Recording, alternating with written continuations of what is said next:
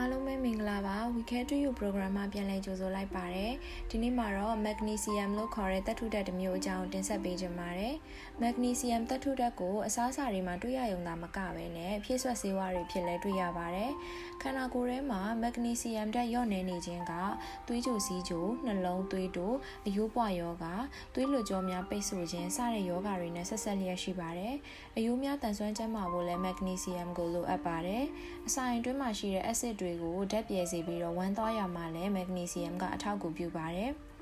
မက်ဂနီဆီယမ်ဓာတ်ချိုးတဲ့ရင်ဖြစ်တတ်တဲ့လက္ခဏာတွေကတော့နှလုံးခုန်မမှန်ခြင်းမောပန်းခြင်းကြွက်သားများအားနည်းခြင်းအယိုးပွားခြင်းသွေးပေါင်ချိန်တက်ခြင်းနဲ့ပန်းနာရင်ကျက်ဖြစ်ခြင်းတို့ပဲဖြစ်ပါတယ်။ အရွယ်ရောက်ပြီးအမျိုးသားများအနေနဲ့တနေ့တာအတွက်မက်ဂနီဆီယမ်400ကနေ420မီလီဂရမ်အထိလိုအပ်ပြီးတော့အမျိုးသမီးများကတော့310ကနေ320မီလီဂရမ်လောက်အထိလိုအပ်ပါတယ်။တန်ဆေးလွန်ပေးဆိုသလိုမက်ဂနီဆီယမ်သတ္ထုဓာတ်များရင်တော့ဘိုက်အောင်ခြင်းပြုတ်ခြင်းအန်ခြင်းဝမ်းပြက်ခြင်းစတဲ့ဘေးရွက်ဆိုးကျိုးတွေရှိပါတယ်။